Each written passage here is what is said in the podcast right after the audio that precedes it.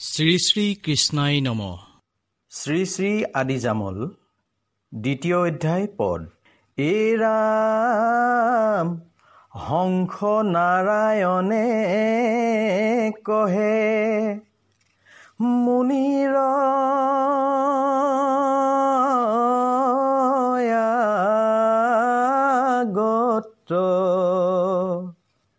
কহিলো কিছুমান কলিৰ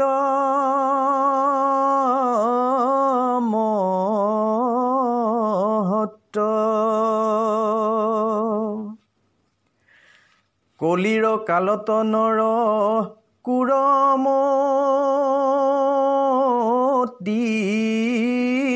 হৈব। সাত মেঞ্চ হুয়া নৰ অধুগতি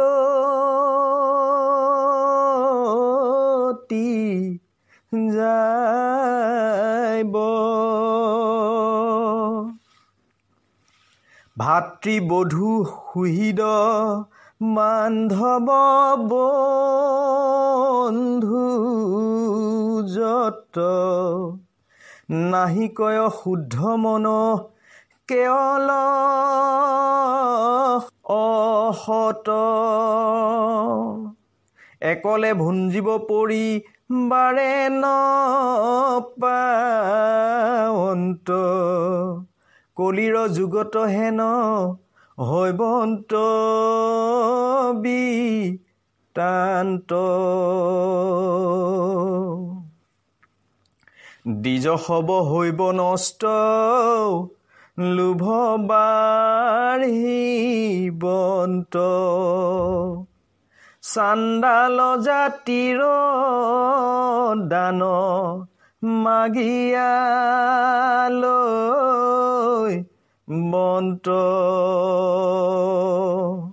তথাপি নপাইব দান মাগন কৰিয়া। যাচিয়ালৈ বেদান মাগন কৰিয়া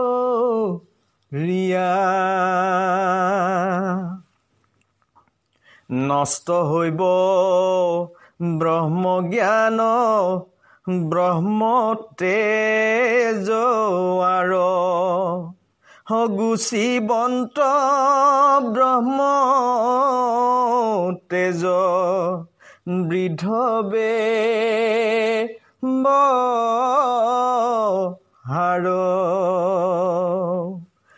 সকল জাতিয়ে মাত্ৰ এক জাতি হৈব।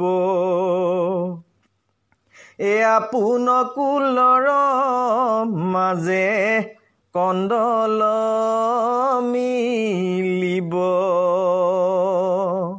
নষ্ট হৈব পশু পক্ষী নৰগজয় এহি মতে ব্ৰহ্ম তেজ সবে হৈব লয়। তাসম্বাৰ শেষত যেহেন হৈবন্ত সবে পৰিহৰি শুনা শাস্ত্ৰৰ মত এক সূৰ্য তাপে হৈব বাৰয় সূৰ্যৰ তাহাৰ প্ৰতাপে লোক হৈব চাৰ খাৰ। তৰু তৃণ লতা বন নাথাকিব আন। পৃথিৱীটো তিয়া হৈব আংগুল প্ৰমাণ। যেন জলে ধেনু বিষ্ঠা ভাসিয়া ফুৰ সেহি মতে ধৰণীৰ হৈব তেহনাই সাত পাতালৰ তলে আচন্ত অনন্ত। সেইদিন হন্তে তেহে হামি চাৰি বন্ত। অনন্ত মুখৰয় অগণি বাজহুই সাত তাল দহিয়া যে ঊৰ্ধক উধাই ৰাম খনে কতে দহিবন্ত ইটো জম্বুদ্বীপ একত্ৰ কৰিয়া সাত স্বৰ্গৰ সমীপ। সাত খণ্ড দহিয়া অগণি নুমাই বন্ত আউৰ যেন মত হৈবে কহিবে লৈলন্ত কাঢ়িবন্ত নিশ্বাসক আৰু এক গোট নিশ্বাসত বায়ু বাজ হৈবন্ত লগত। এই ৰাম সেহি প্ৰলয়ৰ বায়ু উঠিলা জগতে ৰহিলাকে অল মায়া সৰ্জা খান তাতে মায়া সৰ্জা খান চাৰি জন সিদ্ধে ধৰি। নুহিকয় মূৰ্তি মন্ত নাম ধাৰ্য কৰি। সেই চাৰি সিদ্ধৰ নেত্ৰে জল বাহিৰ সেই চাৰি ধাৰা বৃষ্টি জানা সমুদায়। সেহি জলে তল গয়া চৈধ্যয় ভুৱন প্ৰলয়ৰ জল সিটো নুহিকে ভগন। এ ৰাম ঘূৰ জল হব পৰি ঊৰ্ধ কৌৰাই। সেহি বেলা চাৰি সিদ্ধ ভৈলা মূৰ্তি প্ৰায়। দেখন্তে মায়াৰ সৰ্জা মধ্যে আছে ৰৈ। মনে মনে চাৰি সিদ্ধে মেল কপাতই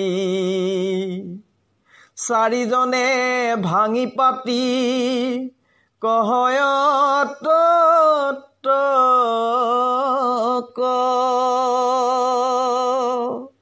যেন দুগ্ধ মুঠিলন্তে পাৱয় ঘিতক পূৰ্বৰ দিশৰ গোটে বচন বোলয়। কহন্তে কহন্তে বিন্দু মান উপজয়। উত্তৰ দিশৰ গোটে কহন্তে কহন্তে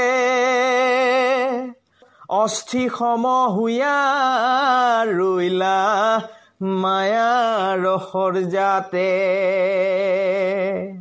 দক্ষিণৰ গোটে পাছে বুলিলা বচন। জীৱনাই অস্থি মাত্ৰ ভৈলা কি কাৰণ?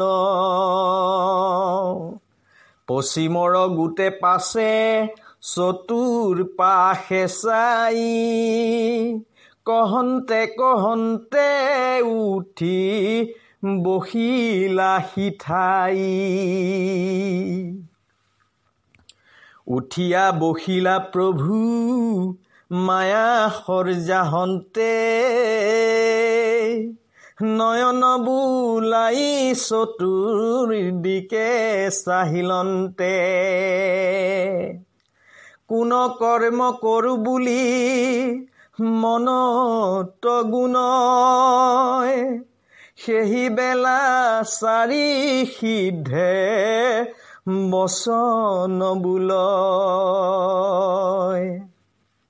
শুনা প্ৰভু সৃষ্টি খান বিনন্দ কৰিও। উপৰি শংকাৰ কথা আমাত কহিও। হেন শুনি ভগৱন্তে নপাই সুমৰি সৃষ্টি স্থিতি কৰিবাক লাগে শীঘ্ৰ কৰি। হেন শুনি নাৰায়ণে সংকুচি থাকিলা। আসম্বাত উপৰি সং কাক সুধি পাইলা। মাধৱে বোলন্ত জানো তোমাৰ ডাঙৰ তোমাৰ সহিতে আছে সম্বন্ধ আমাৰ। লোকত শুনিলে কেনে ভাল কল ভিবু। কালে কালে ইটো মোৰ কুখ্যাতি ৰহিবু চকাৰ ৰকাৰ বকাৰ আৰু জকাৰ। লীন হৈয়া থাকা হবে নামত আমাৰ। এতেকেহে চাৰি নামে চাৰি সিধ বুলি। অভকতে কেন মতে বুজিব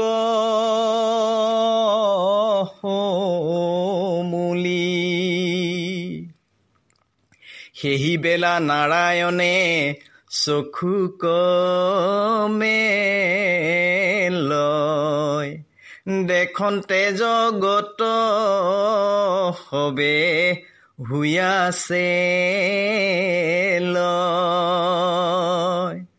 একেশ্বৰে থাকি আমি কৰোঁ কোন কাজ।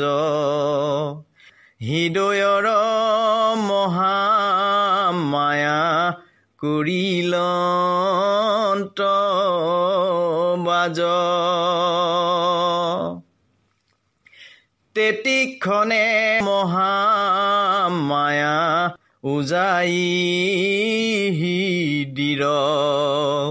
কৃষ্ণৰ মুখক চাই মাতে ধীৰে ধীৰ।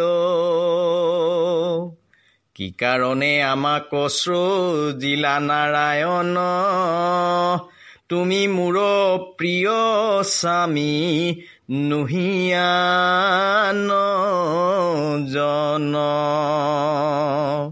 হেন শুনি মাধৱৰ মনে শ্ৰদ্ধা ভৈলা। আদি অন্ত কথা যত সম্বাত কৈলা তুমি একেশ্বৰ প্ৰভু মই একেশ্বৰ। সৃষ্টি নাহি কয় শোভা নকৰ বৰ।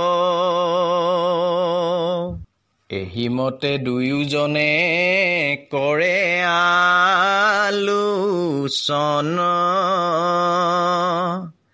সৃষ্টি নাহি কয় এবে নকৰে শুভন। এৰাম হেন শুনি ভগৱন্তে মনত গুণিলা। সৰ্বশক্তি তেজ বলে মায়াক দেখিলা।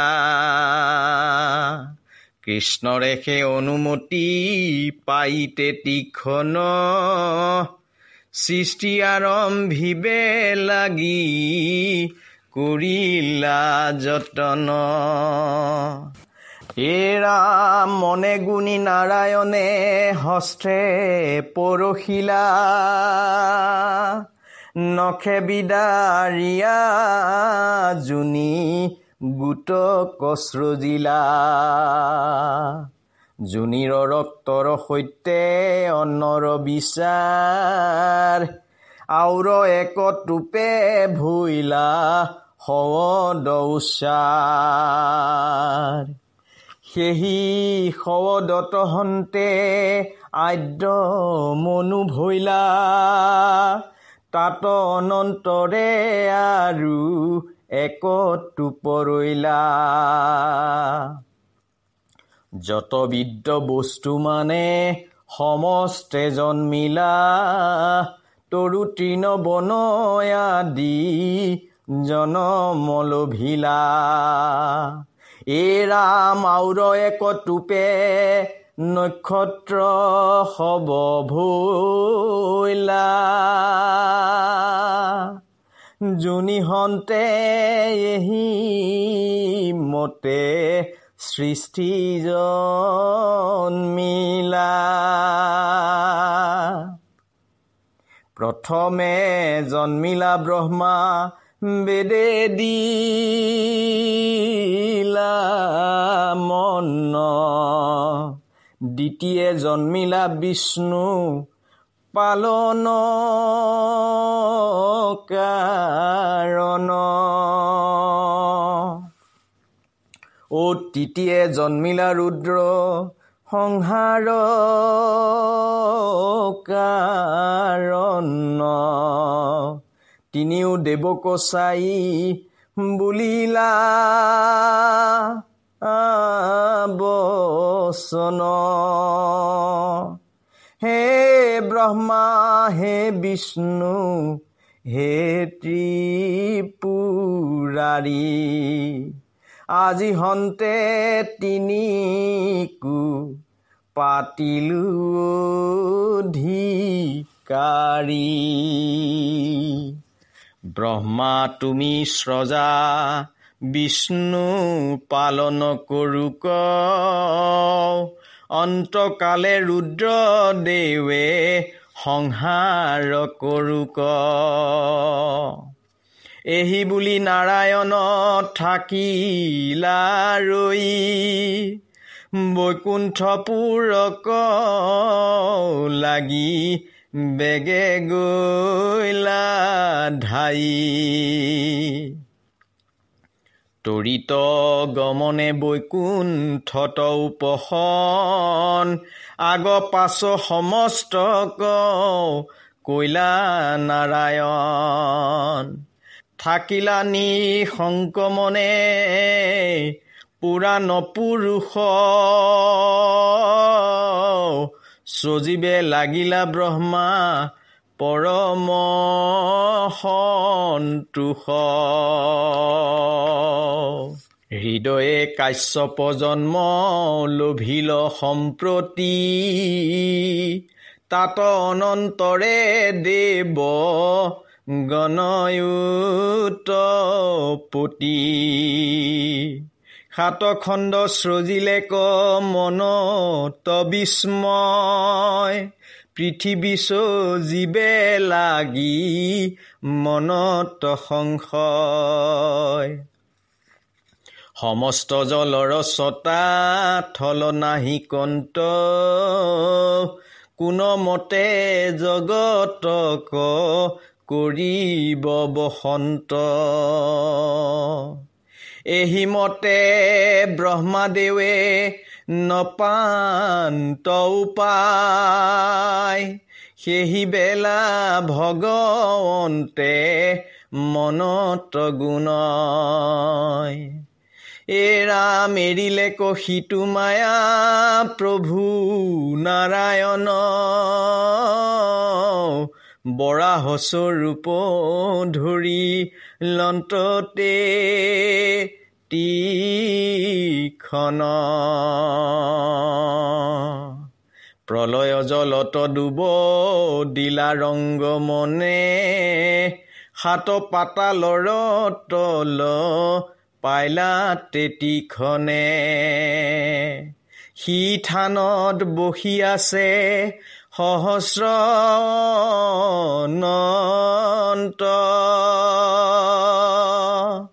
কোনে বুজি বাক পাৰে কৃষ্ণৰ মহত বৰাহে অনন্ত সৰ্যাত বহিলন্ত গৈ দুয়োজনে এক হুই ৰৈলা সমুদায়ী।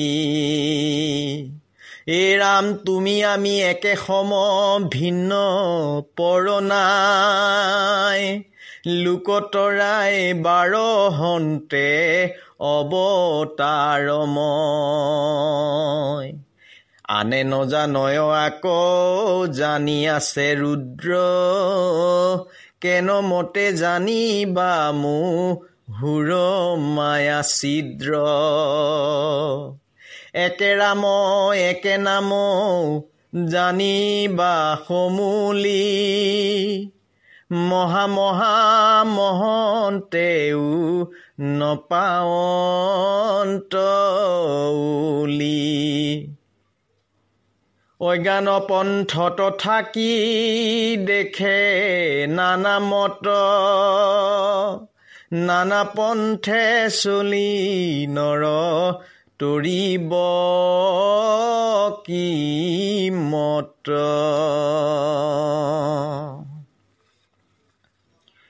শ্ৰৱণ ভজন এক নামত সিজ এক বিনে জ্ঞানীজনে আনন জান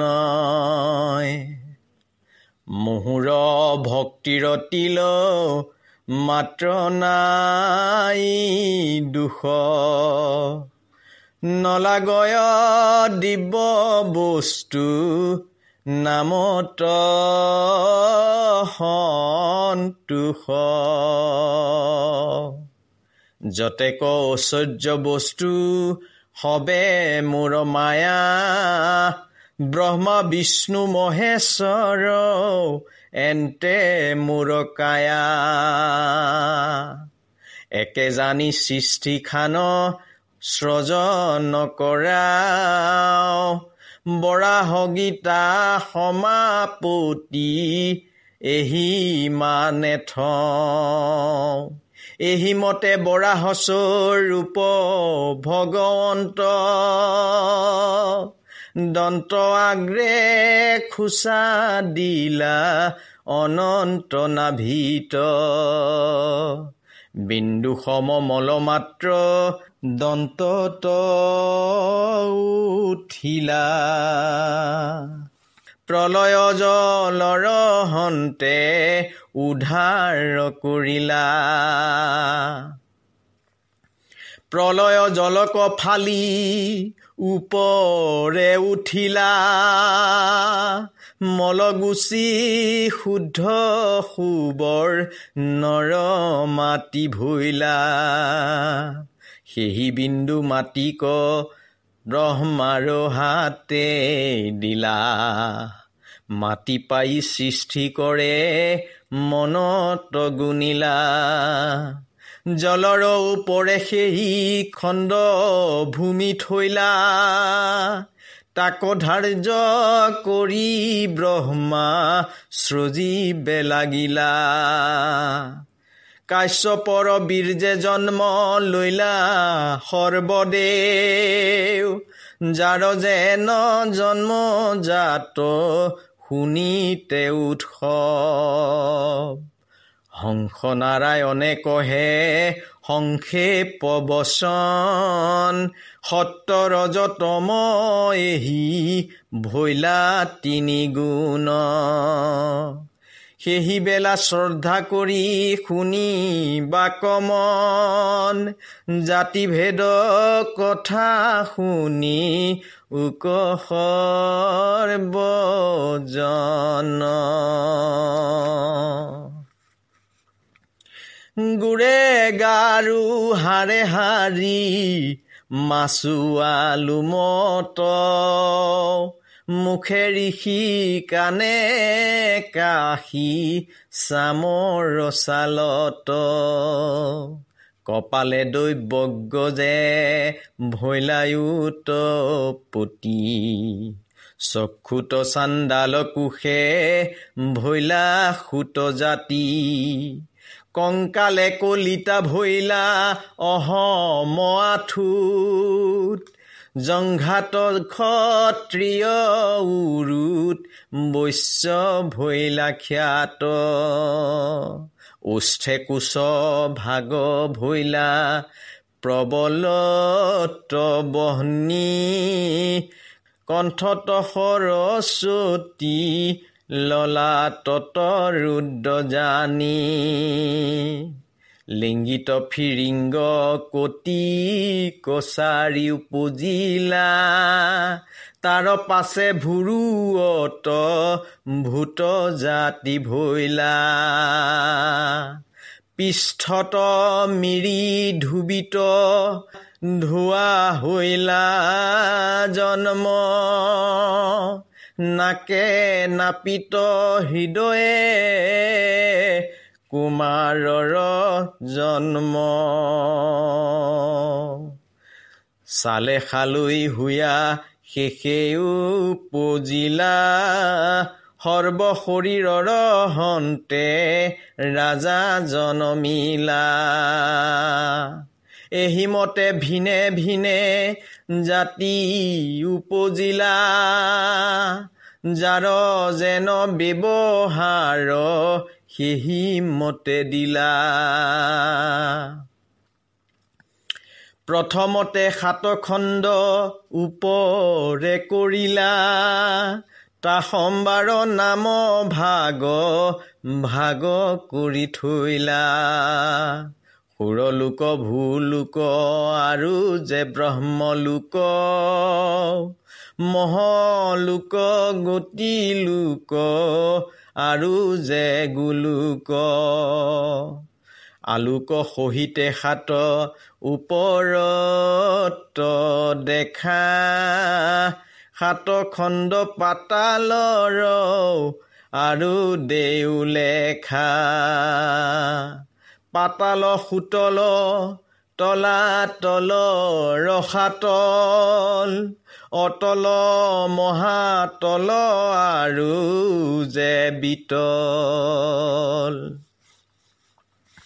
কহিলোহো নাম এবে হাত পাতালৰ।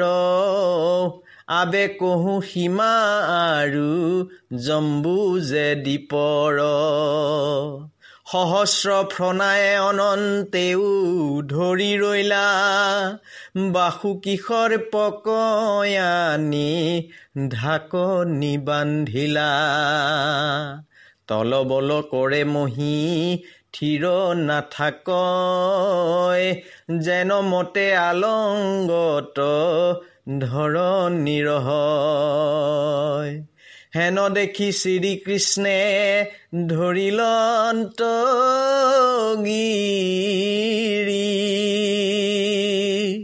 চতুৰ্ভুজ সুমৰণ কৰিলে ক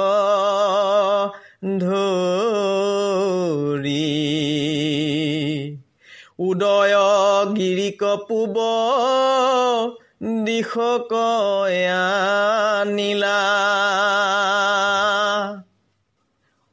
অষ্টগিৰিক পশ্চিমৰ দিশত ৰাখিলা। হেমগিৰি শ্ৰীগন্ধ মাদন দক্ষিণত মলয়াগিৰি কয়ানি উত্তৰ দিশত। মধ্যত যে মেৰু ফাট পাতাল ভেদিলা সেহি গিৰি সবে চাৰি দিশ কবেৰিলা ঊৰ্ধে সাত খণ্ড আৰু পাতালক ভেদি এহিমতে আকাশ পৃথিৱী আছে ৰহি। ইষব স্ৰজিলা পুনু মনত গুণিলা। সপ্তম সাগৰতে বে সৃজিবা কলৈলা লনেক্ষু সুৰাঘিত দধি দুগ্ধ জল। তাৰ মাজে মাজে আছে ধৰণী মণ্ডল। এৰামেহি সাত খণ্ড পৃথিৱী সাত আছে সিন্ধু। সকলো জগত খান জানা ব্ৰহ্ম বিন্দু। ভাগে ভাগে স্ৰজন কৰিল সৃষ্টি কৰ। যাৰ যেন কথা হৈব আতয়নন্তৰ